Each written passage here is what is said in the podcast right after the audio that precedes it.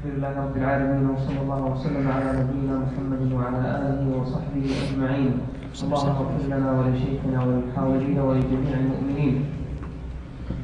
وعن ابن عمر رضي الله عنهما أن النبي صلى الله عليه وسلم قال صلاة الليل مثنى مثنى. رواه الإمام أحمد والشيخان. نعم. آه، بسم الله الرحمن الرحيم. الحمد لله حمدا كثيرا طيبا مباركا فيه وصلى الله وسلم وبارك على نبينا محمد وعلى آله وصحبه أجمعين. أما بعد ذكر الحديث آه، ذكر المصنف رحمه الله تعالى حديث ابن عمر أن النبي صلى الله عليه وسلم قال صلاة الليل مثنى مثنى.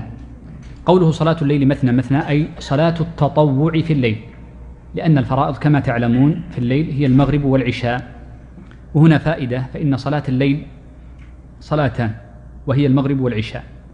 وصلاة النهار قيل إنها صلاتان وقيل إنها ثلاث. فمن قال إنها ثلاث قال هي الفجر والظهر والعصر. ومن قال إنها صلاتان هي الظهر والعصر قال إن الفجر صلاة تفصل بين الليل والنهار فليست من الليل ولا النهار. والمعتمد من المذهب أن اليوم يبدأ من الفجر وهذه فائدة فقط ترد عند أو أو ترد عرضا في بعض المسائل.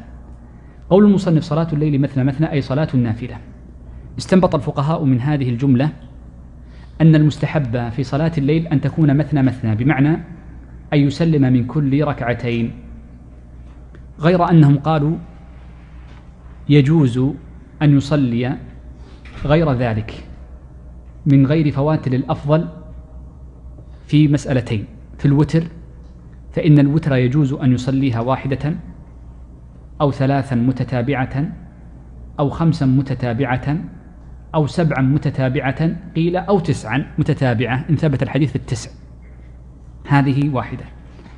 الأمر الثاني أن الوتر وحده إذا صلى المرء فيه إحدى عشرة ركعة أو صلاه خم أو صلاه تسع, تسع ركعات فإنه يجوز له أن يصلي أربعا متوالية. لما جاء من حديث عائشة أنه كان يصلي أربعا فلا تسأل عن حسنهن وطولهن. يحتمل قول عائشة رضي الله عنها أنه يصلي أربعا أي أربعا بسلام واحد. أو أربعا بسلامين فلما كان يحتمل المعنيين قالوا إنه يجوز لكن إذا كان الأربع والأربع والثلاث في الوتر. وأما صلاة الليل المطلقة فإنه يستحب له أن يصليها ثنتين ثنتين وأن صلاها أربعا كما ذكرنا في الهيئات السابقة فتكون متوالية من غير جلسة للتشهد الأول. هنا مسألة في قضية صلاة الليل. عندما نقول إن صلاة الليل مثنى مثنى يدلنا أيضا على المسألة الثانية المهمة وهو أن صلاة الليل ليست مقيدة بعدد فتصلي من الليل ما شاء الله عز وجل لك. ولا تقيد صلاة الليل بعدد من الركعات بيد أن الوتر هو المستحب تقييده بعدد. فإن الأفضل أن لا يزيد الوتر عن إحدى عشرة أو ثلاث عشرة ركعة. لحديث عائشة ما كان النبي صلى الله عليه وسلم يصلي في يزيد في الحضر ولا في السفر على إحدى عشرة. محمول ذلك على صلاة الوتر لا على مطلق قيام الليل. فقيام الليل يصلي المرء ما شاء. وقد كان النبي صلى الله عليه وسلم يصلي حتى تتفطر قدمه من طول قيامه عليه الصلاة والسلام. وقد كان أكمل الناس هديا وأتمهم عملا وأعلاهم درجة عند الله عز وجل ومع ذلك كان يقوم صلى الله عليه وسلم. وهنا مسألة أن بعضا من الفقهاء ربما فضل انشغاله بالعباد بالعلم على انشغاله بالعبادة. فقد جاء عن أبي نصر ابن الصباغ أحد فقهاء الشافعية المشهورين أنه قال لأن أحيي ليلة في العلم أحب إلي من أن أحييها صلاة. والحقيقة أن كلامه إذا كان على سبيل الاستثناء فصواب. وأما على سبيل الإطلاق فلا لأن النبي صلى الله عليه وسلم كان يواظب على صلاة الوتر. وهذه صلاة الوتر ما تركها النبي صلى الله عليه وسلم حضرا ولا سفرا. ولذا فإن طالب العلم إنما يفاضل بينها وبين بعض النوافل عند التعارض ولا يوجد التعارض.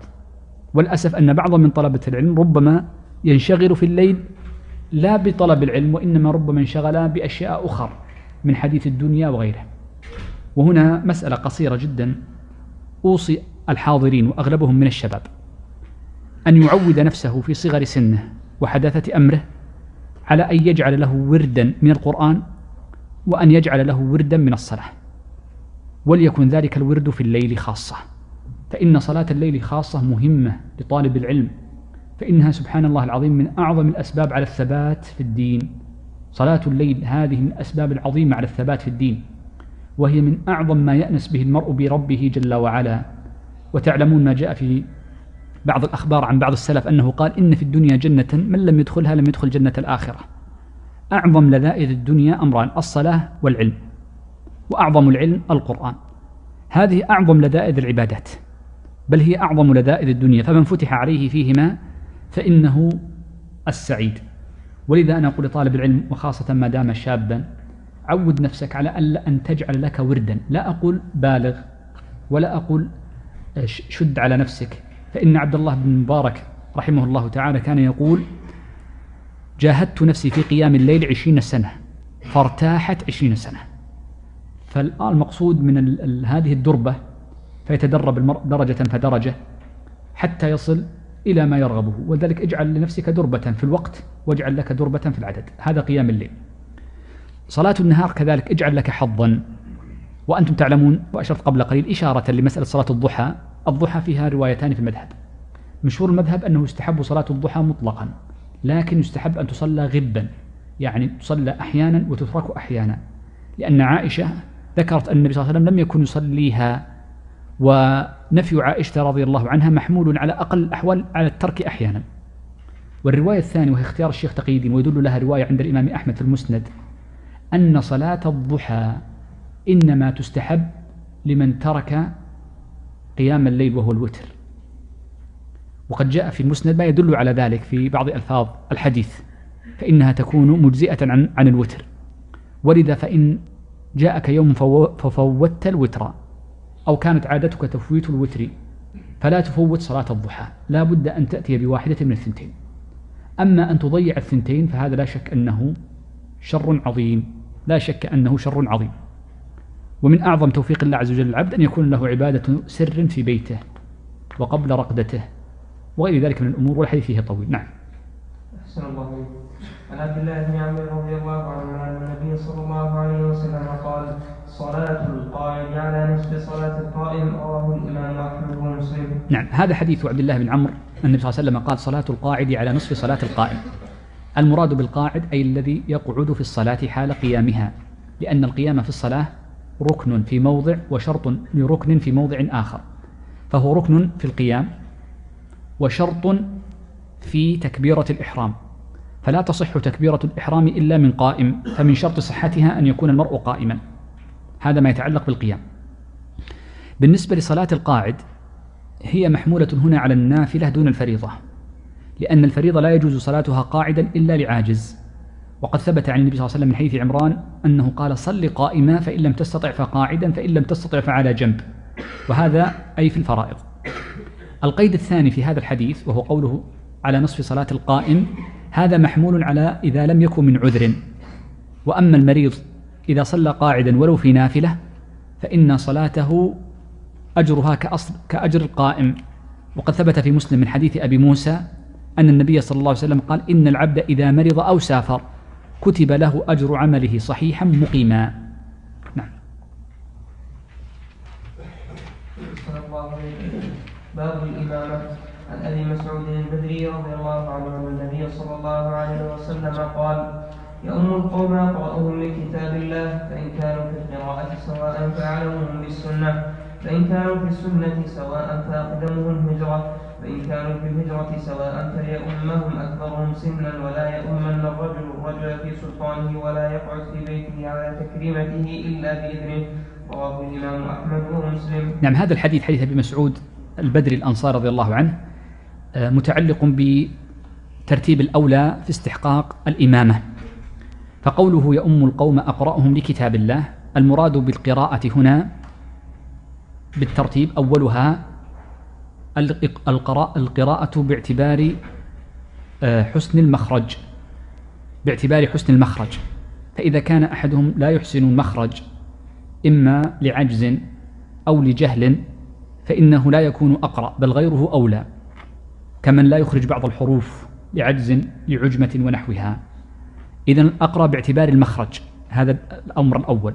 الأمر الثاني وهو يليه في الدرجة أن يكون أقرأ باعتبار الأداء وليس باعتبار المخرج.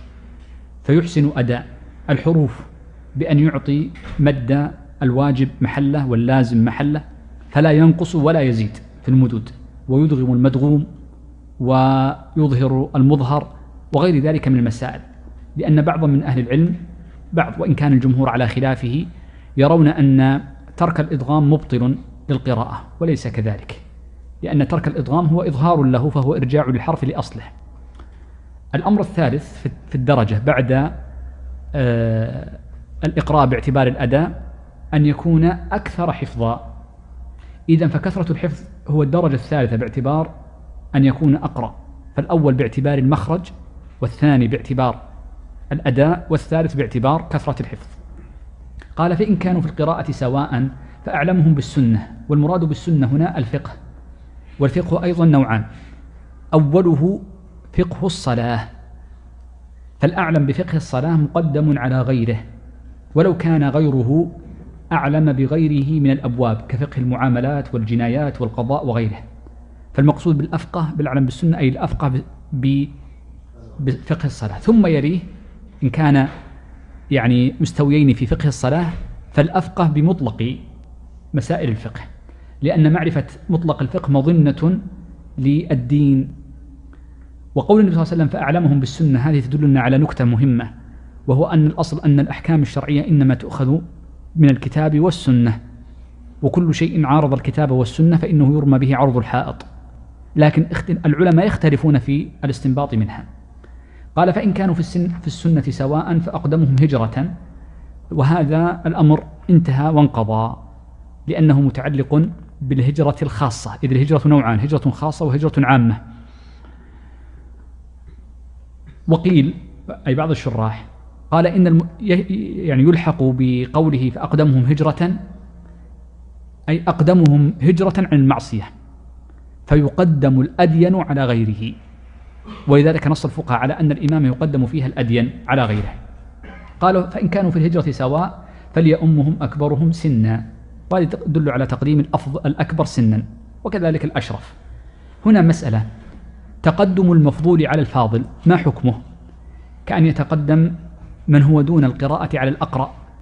نقول تقدم المفضول على الفاضل عند فقهائنا مكروه. يكره تقدم من هو مفضول على الفاضل. وهنا فائدة نكتة. قد جاء عند أبي داود أن النبي صلى الله عليه وسلم ذكر أن في آخر الزمان يتدافع الناس الإمامة. فكل واحد يقول الآخر صلي. ويقول لن أتقدم. ولذا فإن من رأى في نفسه أهلية للإمامة.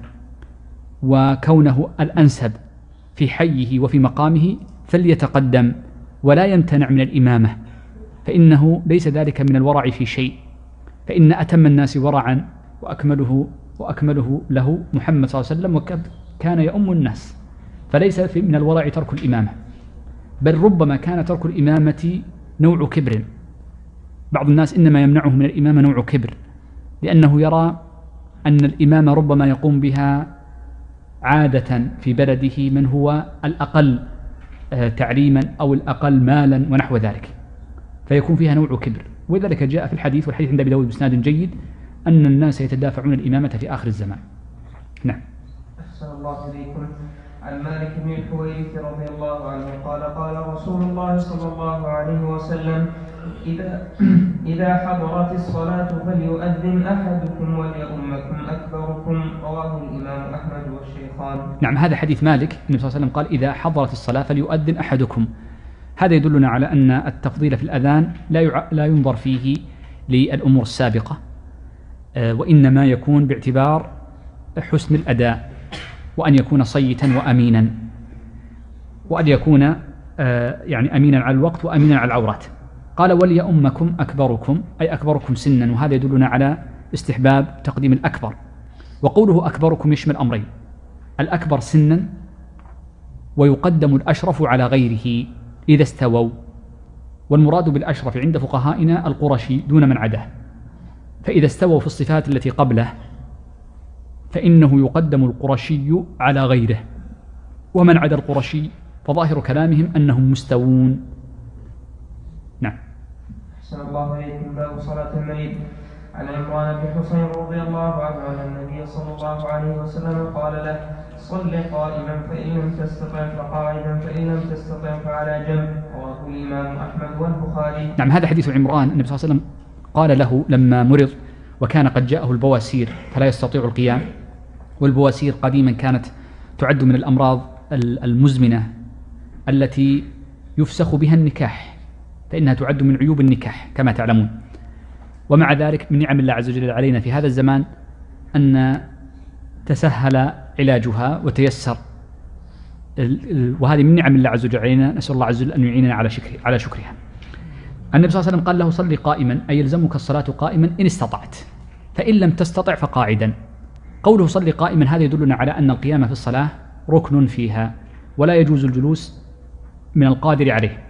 وقوله فإن لم تستطع فقاعدا فقد الاستطاعة ما معناه؟ نوعان إما فقد حقيقي لا يستطيع القيام وإما فقد حكمي. فالفقد الحقيقي هو أن لا يستطيع القيام بنفسه فحينئذ لا يلزمه أن يقوم. والنوع الثاني الفقد الحكمي. ومعنى الفقد الحكمي أمور. أو له, أو له صور. الصورة الأولى أن يكون في قيامه مرض له. أو أن يكون في قيامه زيادة مرضه. إما أن يكتسب به مرضا أو أن يزيد قيامه مرضه. الأمر الثالث أن يكون قيامه مؤخرا لبرئه. مثل رجل مكسورة رجله فإن قام انكسرت أخرى أو إن صلى قائما تأخر جبرها وهكذا. فنقول صلي قاعدة الأمر الرابع في عدم الاستطاعة الحكمية نقول من كان في قيامه مشقة وحرج شديدين. المسألة الثالثة أن المراد بالصلاة قاعدا قال فقهاؤنا على أي هيئة شاء فكل ما يسمى قعودا فيجوز في الصلاة على كرسي على الأرض متربعا مفترشا ناصبا رجله. جاثيا محتبيا كل هيئات الجلوس تجوز. بيد أنهم يقولون إن الأفضل في محل القيام من جلس في محل قيام أو ركوع أن يكون متربعا لثبوت ذلك عن الصحابة كابن مسعود وغيره. ومن جلس في عاجزا عن السجود فإنه يجلس مفترشا لأنه الأقرب لهيئة الجلسة بين السجدتين. قال فإن لم تستطع فعلى جنب سواء استطاعة حقيقية للقعود أو استطاعة حكمية فإنه يصلي على جنب. وقوله على جنب محمول على الجنب الأيمن وقد جاء فيه بعض الروايات لكنها فيها مقال. فالأفضل أن يصلي على جنبه الأيمن. ويجوز أن يصلي على جنبه الأيسر لكن جنب الأيمن أفضل. وفقهاؤنا يقولون يجوز له لكن خلاف الأولى أن يصلي على ظهره. بشرط أن تكون قدماه إلى القبلة وأن يرفع رأسه. لأنه جاء في بعض ألفاظ الحديث مستلقيا والمستلقي يكون على ظهره. لكن عندهم الأفضل أن يكون على جنبه الأيمن ثم على جنبه الأيسر ثم مستلقيا على ظهره رافعا رأسه متجها للقبلة. يعني يرفع رأسه ولو بشيء يسير كوسادة ونحوها. نعم.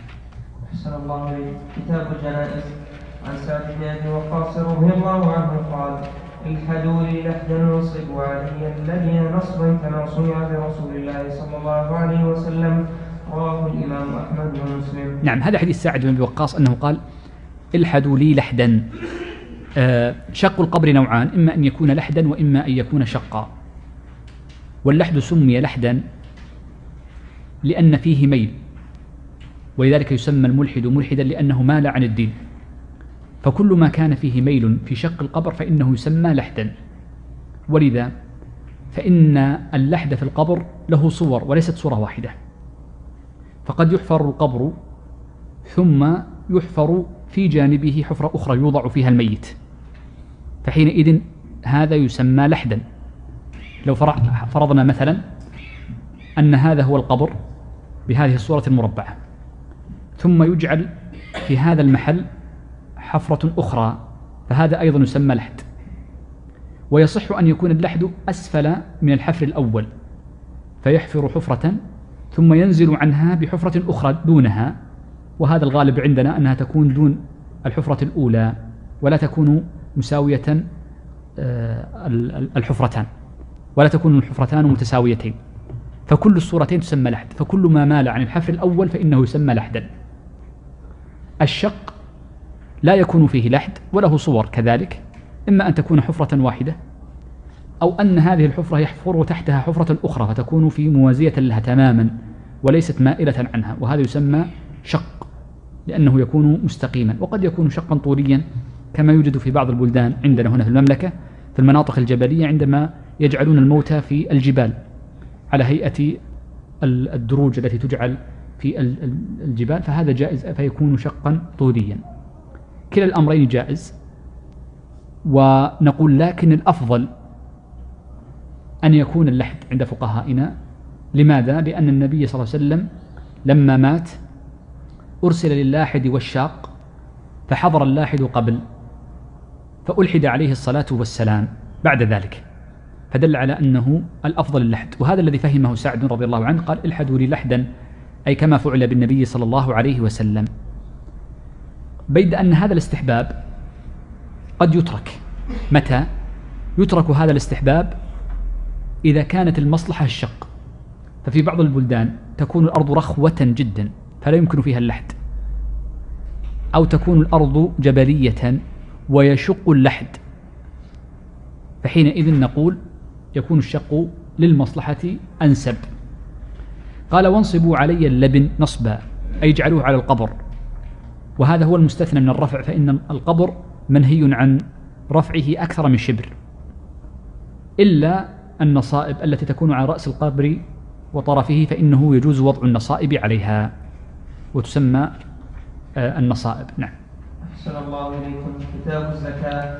عن أبي سعيد الخدري رضي الله عنه قال قال النبي صلى الله عليه وسلم ليس في حب ولا ثمر صدقة حتى خمسة أوساق ولا فيما دون خمس ذود صدقة وليس فيما دون خمس أواق صدقة. رواه الإمام أحمد والشيخان نعم هذا الحديث بدأ يتكلم المصنف في كتاب الزكاة وأول حديث أورده فيه يدل على اشتراط النصاب.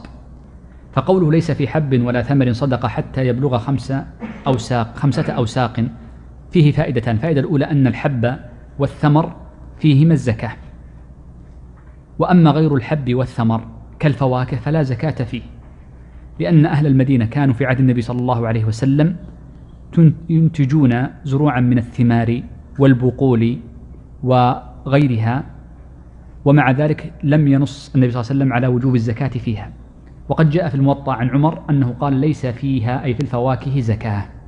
إذا الزكاة إنما تكون في الحب والثمر. وضابطه عندهم أن كل ما كان يقتات من المطعومات الخارجة من الأرض فإن فيه الزكاة وما لا يقتات فلا. فالفواكه والبقول أي الأشياء الخضراء ومثله أيضا آه، كثير من الزروع فإنه لا صدقة فيها.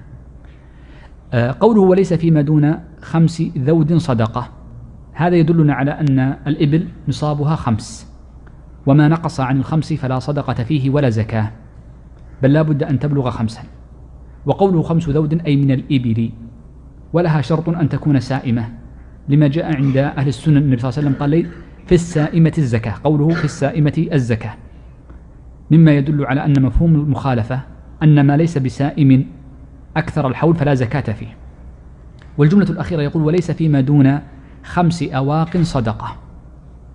قوله وليس فيما دون خمس أواق نستفيد منها عددا من الأحكام. الحكم الأول أن قوله خمس أواق يدلنا على أن الذهب والفضة فيهما الزكاة سواء جعل قنية أو جعل لأجل أن يكون أثمانا. المسألة الثانية أن نصاب الفضة خمسة, خمسة أواق وتعادل مئتي درهم كما جاء في بعض الأحاديث. والدرهم يعادل تقريبا جرامان وخمسة وسبعون أو وسبعة وسبعون بالمئة. سبعة وخمسة وتسعون أو وسبعة وتسعون بالمئة. فيكون نصاب الفضة خمسمائة وخمسة وتسعون جراما من الفضة. المسألة الأخيرة أن قوله عليه الصلاة والسلام وليس فيما دون خمس أواق صدقة استدل بها فقهاؤنا على أن الحلي لا زكاة فيه. ووجه الاستدلال ذكر أبو عبيد القاسم سلام أن الفضة لا تسمى أواق إلا إذا كانت تبرا أو مضروبة وأما الحلي فإن فإنه لا يوزن بذلك لا يوزن بالأواقي هذا كلام أبي عبيد القاسم السلام. فالحلي لا زكاة فيه إذا استعمل أو أعير أو قصد به ذلك وإن لم يقصد به ذلك بأن تملك الرجل أو المرأة الحلي لأجل القنية فإن فيه الزكاة. أو كان الحلي المملوك للمرأة مما لا تقصد استعماله لكونه قديما أو مكسورا فإنه في هذه الحالة فيه الزكاة لكونه ليس آه، مستعملا. نعم. الله عليكم. باب من يجوز دفع الزكاة إليه عن سلمة بن صخر الأنصاري رضي الله عنه أن النبي صلى الله عليه وسلم أمر بني زريق بدفع صدقتهم إليه. رواه الإمام أحمد وأبو داود والترمذي وابن ماجه. نعم هذا حديث سلمة بن صخر رضي الله عنه أن النبي صلى الله عليه وسلم أمر بني زريق بدفع صدقتهم إليه. هذا يدلنا على مسألة وهو من الذي يجوز دفع الصدقة إليه؟ الأصل أن الذين يجوز دفع الصدقة إليهم هم الأصناف الثمانية دون من عداهم لقول الله عز وجل إنما الصدقات للفقراء والمساكين. ثم ذكر الأصناف الثمانية وإنما للحصر فلا يجوز حصرها لغيرهم. ومن هؤلاء الفقير والمسكين. والفقير والمسكين لفظان إذا اجتمعا افترقا وإذا افترقا اجتمعا.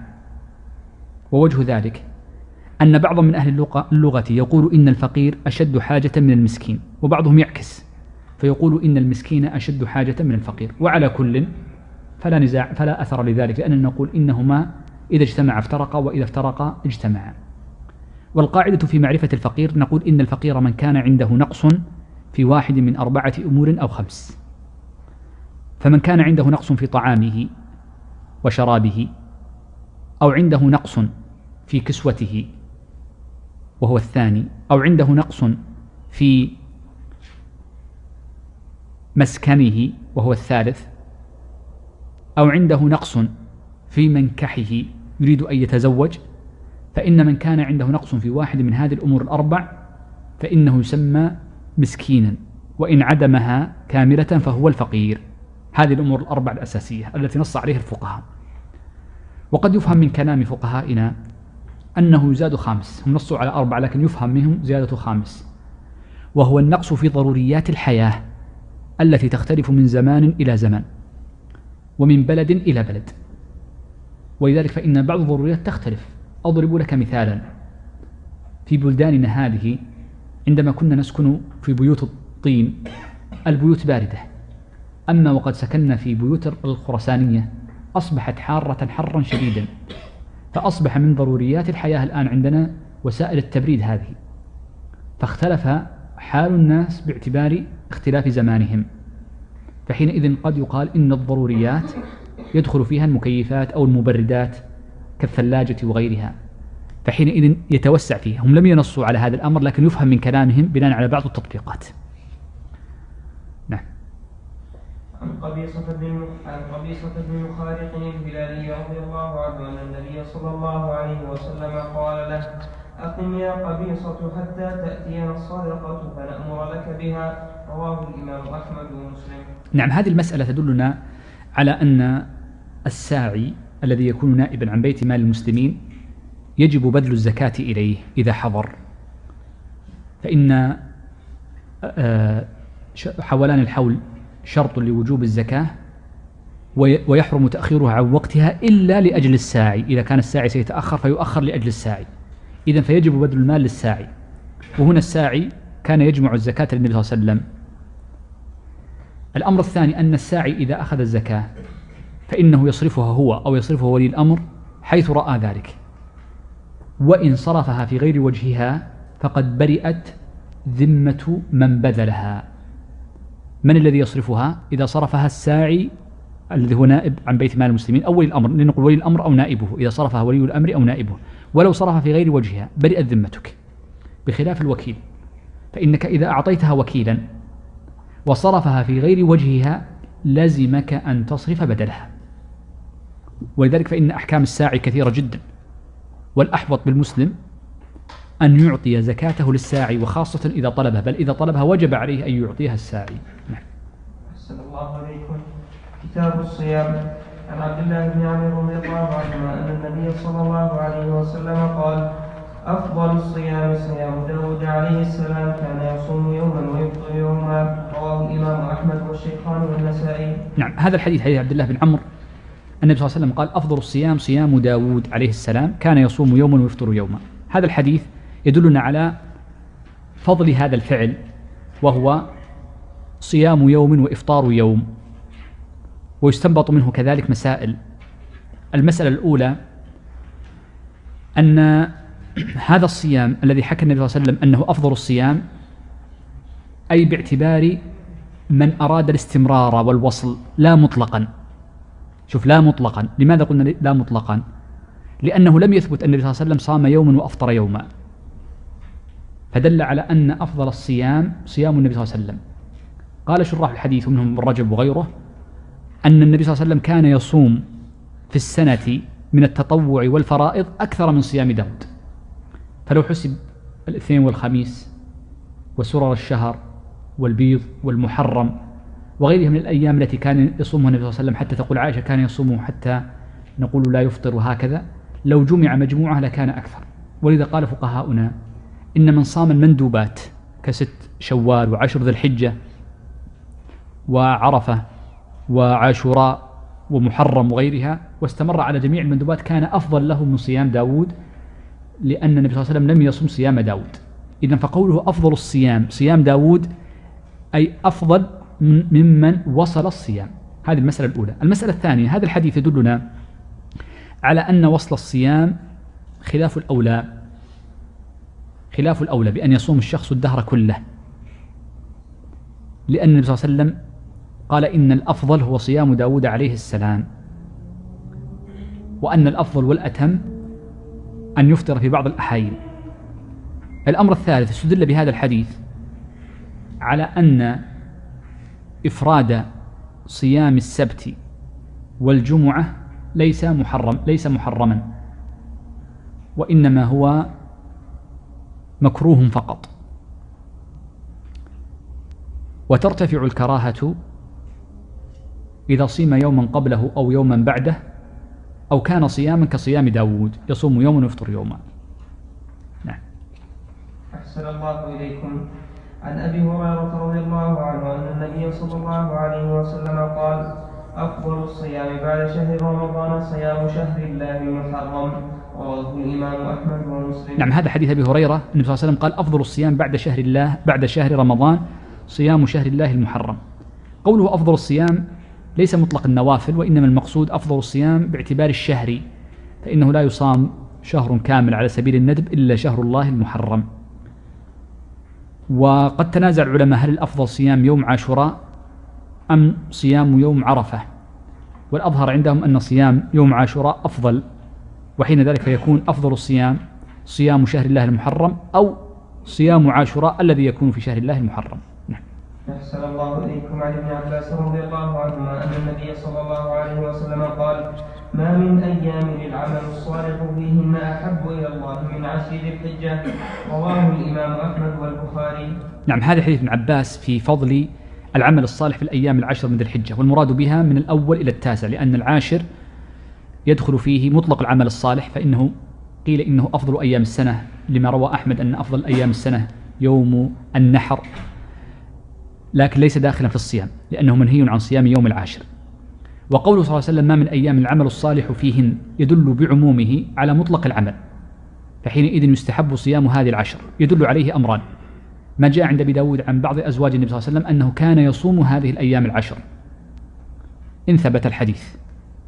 ويؤكد ذلك أو مشروعية الاستحباب أنه قد جاء عند ابن جرير في تهذيب الآثار عن الحر بن صياح أنه قال جاورت مع عبد الله بن عمر رضي الله عنهما في مكة عشر سنين فكان يصوم عشر ذي الحجة.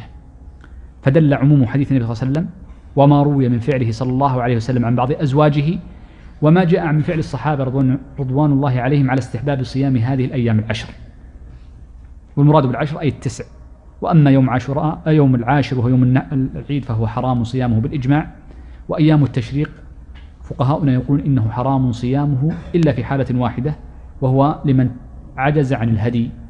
نعم. أحسن الله إليكم. عن أبي أيوب الأنصاري رضي الله عنه أن رسول الله صلى الله عليه وسلم قال من صام رمضان وأتبعه ستا من شوال فكأنما صام الدهر. رواه الإمام أحمد ومسلم. نعم هذا حديث أبي أيوب في مسلم. وقد تتبع الخلال جزءا كاملا في تتبع طرق حديث صيام الست من شوال. فيه أن من صام رمضان وأتبعه ستا من شوال فكأنما صام الدهر يدل على فضل صيام الست من شوال. ولحديث أبي أيوب وإن كان في مسلم له أحاديث أخرى آه، متابعة له تدل على معناه هذا الحديث فيه استحباب صيام هذه الست وأخذ منه فقهاؤنا كذلك أن المراد بصيام رمضان صيامه كاملا. ولذا قالوا إنه يستحب صيام أو أو يشرع يشرع المسلم بقضاء رمضان ثم يأتي بالست. فلا يستحب تقديم الست على قضاء الفرض. هذا هو مشهور المذهب. فيجب تقديم الفرض على صيام الست من شوال لأن قولهم من صام رمضان أي كاملا. نعم. أحسن الله عليك عن أبي قتادة رضي الله عنه أن رسول الله صلى الله عليه وسلم قال صوم يوم عرفة كفارة سنتين سنة ماضية وسنة مستقبلة وصوم يوم عاشوراء كفارة سنة رواه الإمام أحمد ومسلم. نعم هذا حديث أبي قتادة المشهور وهو حديث طويل. فيه أن النبي صلى الله عليه وسلم قال صوم يوم عرفة كفارة سنتين سنة ماضية وسنة مستقبلة. قوله كفارة بعض أهل العلم خص هذا التكفير بالصغائر دون الكبائر. وبعضهم قال إنه يشمل الثنتين عموما لأن فضل الله واسع. ذكر ذلك ابن المنذر ونسبه للشافعي. ويدل على المعنى الثاني ما جاء عن النبي صلى الله عليه وسلم أنه قال قال الله عز وجل أنا عند ظن عبدي بي فليظن عبدي بي ما شاء. فأن تظن بالله الخير وأنه يكفر السيئات صغائرها وكبائرها. فالله عز وجل رحمته وسعت كل شيء. آه الأمر الثاني آه قوله وصوم يوم عاشوراء كفارة سنة أي كفارة لسنة. وهذا يدل هذا الذي استدل به على أن يوم عرفة أفضل من جهة ومن قدم عاشوراء قال لأن عاشوراء كان واجبا وما كان أصله واجبا على مقدم على ما كان أصله مندوبا. آه هذا الحديث فيه من الفقه مسألتان نريد أن نذكرهما. المسألة الأولى آه أن صوم يوم عاشوراء مستحب.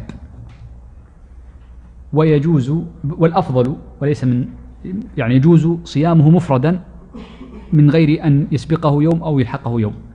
ولكن الأفضل أن يسبقه بيوم فيصوم التاسع والعاشر.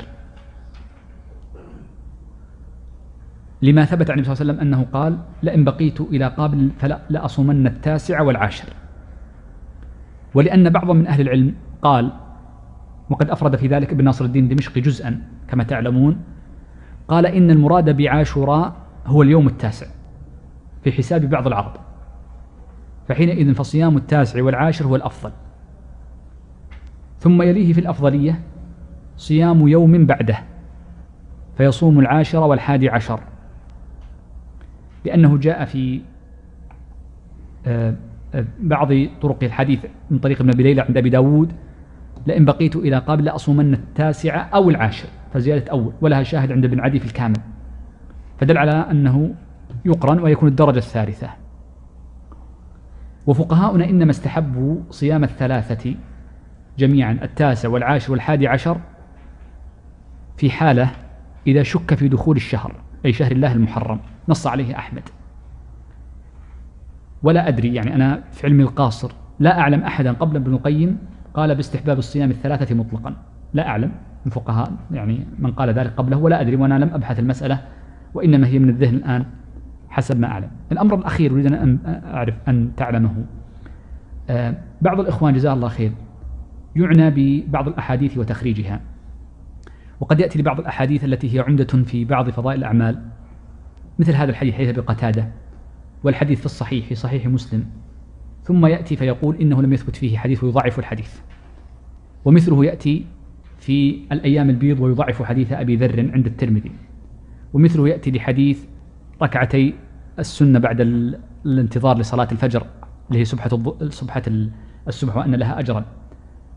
ثم يأتي أيضا كذلك الركعات الأربع قبل العصر وغيرها من المسائل. هذا هذا المسلك أحيانا فيه إشكال. أولا يجعل كثيرا من طلبة العلم يبتعد عن السنن ويهجرها. نعم نحن نقول إن السنة ما لم يرد بها دليل ثابت فإنها لا تشرع. لكن هذه السنن تلقاها العلماء لحكمها بالقبول وما ردوا سنيتها. ولذلك الأعمال كما أشار لذلك الشافعي في كتاب الرسالة أن بعض الأعمال شهرتها يستغنى بها أو بعض السنن شهرتها يستغنى بها عن معرفة سندها. وهذه طريقة ابن عبد البر كثيرا جدا في, في, التمهيد. يقول وشهرة هذا الحديث يغني عن النظر في سنده. هذا الذي قصده الشافعي عندما قال ما استفاض بين أهل العلم. ولذا قد يعل الحديث بضعف عند بعض أهل العلم لكن يعمل به. أحمد في أكثر من مسألة ضعف الحديث قال لا يصح. لكن قال العمل عليه. ضعفه وقال والعمل عليه. في أكثر مسألة في مسألة النبيذ والأشربة في مسألة البسملة على الوضوء لا وضوء لمن لم يذكر اسم الله عليه قال لا يصح فيها إذا كان عليه العمل. والمتقدمون من أصحاب أحمد قبل الخلال كلهم على أنه مع الخلال من الخلال والمتقدم قبل القاضي كلهم على أن البسملة واجبة. آه، على أن البسملة نعم سنة والمتأخرون على أنها واجبة. فالمقصود من هذا يعني أن قد تنظر في الإسناد لكن ليس لازما من تضعيفك أنت الحديث مع تصحيح الأئمة كمسلم وغيره أن تنكر السنية. هنا فرق بين المسألتين وبحثها يحتاج إلى يعني مزيد بسط. نعم. أحسن الله إليكم. عن أم هانئ رضي الله عنها أن رسول الله صلى الله عليه وسلم قال الصائم المتطوع أمير نفسه إن شاء صام وإن شاء أفطر. رواه الإمام أحمد والترمذي. نعم هذا حديث أم هانئ رضي الله عنها. النبي صلى الله عليه وسلم قال الصائم المتطوع أمير نفسه. إن شاء صام وإن شاء أفطر. هذا يدلنا على أن الصائم يجوز له إفساد صيامه. وقوله إن شاء صام وإن شاء أفطر يدلنا على أن الصائم له أن يفطر بأحد أمرين إما بفعل أو بنية. والنية هي نية القطع أي قطع الصيام. ولا يلزم نية الإفطار بل نية القطع تكون وحدها مفسدة للصيام. وقوله إن شاء أفطر. قطع النية وحده آه، يفسد الصوم إذا كان تطوعا لكن يجوز له الرجوع فيه مرة أخرى ما لم يأتي بمبطل كالأكل والشرب. نعم. أحسن الله إليكم. عن أبي سعيد الخدري رضي الله عنه أن رسول الله صلى الله عليه وسلم نهى عن صوم يومين يوم الفطر ويوم النحر. رواه الإمام أحمد والبخاري. نعم هذا حديث أبي سعيد في أن النبي صلى الله عليه وسلم نهى عن صوم يوم الفطر ويوم النحر وانعقد الإجماع على حرمة صومهما وأن صومهما حرام لا يجوز ولا يجوز صومهما لا في سنة ولا في واجب. فلو قضى أراد أن يقضي فيهما صياما واجبا لا يقضيه. ولو كانت عليه كفارة فيجب عليه أن يفطر يوم النحر ويقضي آه هذا اليوم الواجب عليه بالتتابع بالكفارة في آخر مدة الشهرين المتتابعين. أحسن الله بكم عن يونس بن شداد رضي الله عنه أن رسول الله صلى الله عليه وسلم نهى عن صوم أيام التشريق. رواه الإمام أحمد. نعم المراد بأيام التشريق ثلاثة أيام الحادي عشر والثاني عشر والثالث عشر من شهر ذي الحجة. والنهي هنا عام يشمل الحاج وغيره فيحرم صوم هذه الثلاثة أيام. وقد جاء النبي صلى الله عليه وسلم أنه قال إنها أيام أكل وشرب أي فلا يجوز الصيام فيها. استثني من ذلك أنه يشرع صيامها لمن كان متمتعا أو قارنا ولم يجد الهدي لأنه ثبت كما روى ذلك البخاري في الصحيح عن عائشة وابن عمر رضي الله عنهما أنهما أفتيا بذلك وهو مما اشتهر بين الصحابة ولم يعلم ولم يعلم لهم مخالف. فدل ذلك على أنه مستفيض وظاهر بين الصحابة وهي مفردات مذهب أحمد. من من هذا المتمتع والقارن الذي يصوم في هذه الأيام؟ نقول إن الشخص إذا كان متمتعا وقارنا ثم دخل في النسك ولم يجد ما يشتري به الهدي. ولو كان في بلده غنيا لكن لا يجد المال هنا جاز له أن ينتقل إلى بلد إلى بدله. وبدله صيام ثلاثة أيام في الحج وسبعة وسبعة إذا رجع إلى أهله. صيام ثلاثة أيام في الحج وسبعة إذا رجع إلى أهله. وقلنا إذا رجع إلى أهله أي بعد انقضاء الحج سواء كان في مكة أو في غيرها. فخرج مخرج الغالب. صيام ثلاثة أيام في الحج كيف تصام؟ بهذا الترتيب. أفضلها أن يصوم قبل يوم التاسع فيصوم مثلا السادسة والسابعة والثامن. لكن بشرط وانتبهوا لهذا الشرط أنه يجب أن يكون محرما. إما محرم بالعمرة أو محرم بالحج. محرم بالعمرة ثم بعد ذلك يؤدي عمرته ثم بعد ذلك يتحلل أو محرما بهما معا كالقارن. أما أن يصوم وهو لابس لثوب لا يجزئه ذلك. يليها في الأفضلية أن يصوم ثلاثة أيام آخرها التاسع فيصوم السابع والثامن والتاسع فيصوم عرفة. وهذا الموضع الوحيد الذي ترتفع فيه كراهة صيام يوم عرفة للحج. الدرجة الثالثة إذا فاتته الأولى والثانية جاز له أن يصومها في أيام التشريق الحادي عشر والثاني عشر والثالث عشر. فإن لم يصومها فيها جاز له أن يصومها حيث شاء في مكة أو في غيرها. طبعا سمي التشريق تشريقا لأنه يشرق فيها اللحم. الأول لم يكن فيه ثلاجات وإنما يأتون باللحم فيشرقونه ويجعلونه في الشمس ويشقونه شق يعني يشرطونه بالسكين ويجعلون فيه ملحا. نعم. عن عائشة رضي الله عنها أن رسول الله صلى الله عليه وسلم قال تحروا ليلة القدر في الوتر من العشر الأواخر من رمضان نعم. نعم هذا حديث عائشة في فضل ليلة القدر وجرت عادة العلماء أنهم يختمون كتاب الصيام بالحديث عن ليلة القدر وفضلها من باب التحفيز على كثرة الدعاء وفضله في هذه الأيام. وعندنا هنا مسألة مسألة متعلقة بليلة القدر وقد نعممها لرمضان كله. ليلة القدر هي أفضل ليلة في السنة كلها. إنا أنزلناه في ليلة القدر وما أدراك ما ليلة القدر. آه، فليلة القدر ليلة فاضلة. لا شك أنها أفضل ليالي السنة. لكن هنا المهم أنه لا يشرع في ليلة القدر مطلق العمل. وإنما يشرع فيها ما وردت به السنة. هناك أيام يشرع فيها مطلق العمل كالعشر الأول من ذي الحجة. ما من أيام العمل الصالح فيهن أحب إلى الله أي مطلق العمل. كل سنة يستحب فعلها في هذه الأيام. أما ليلة القدر فإنه يستحب فيه ما ورد به النص. ولذلك عائشة لما جاءت النبي صلى الله عليه وسلم قالت إذا أدركت ليلة القدر ماذا أقول؟ فسألته ما الذي يفعل في هذه الليلة؟ ما الذي يفعل في ليلة القدر؟ مسائل. المسألة الأولى أن يقام أن تقام هذه الليلة بالصلاة. وقد قال النبي صلى الله عليه وسلم من قام ليلة القدر غفر له ما تقدم من ذنبه. إذا أهم عمل يعمل في ليلة القدر القيام قيام الليل. الأمر الثاني الذي يفعل في ليلة القدر قالوا الدعاء لحديث عائشة. ماذا أقول؟ قال قولي اللهم إنك عفو تحب العفو فاعف عني. فالدعاء في هذا اليوم وخاصة بالدعاء الوارد عن النبي صلى الله عليه وسلم من أفضل ما يدعى به في هذا اليوم أو من أفضل ما يفعل في هذا اليوم. الأمر الثالث أنه يستحب ملازمة المساجد. وقد جاء من حديث عبد الله بن أنيس الجهني رضي الله عنه عند أبي داود أن أباه أنيسا قال النبي صلى الله عليه وسلم يا رسول الله إني إمام قومي في البادية فاجعل لي يوما آتي مسجدك قال إيتي ليلة واحد وعشرين.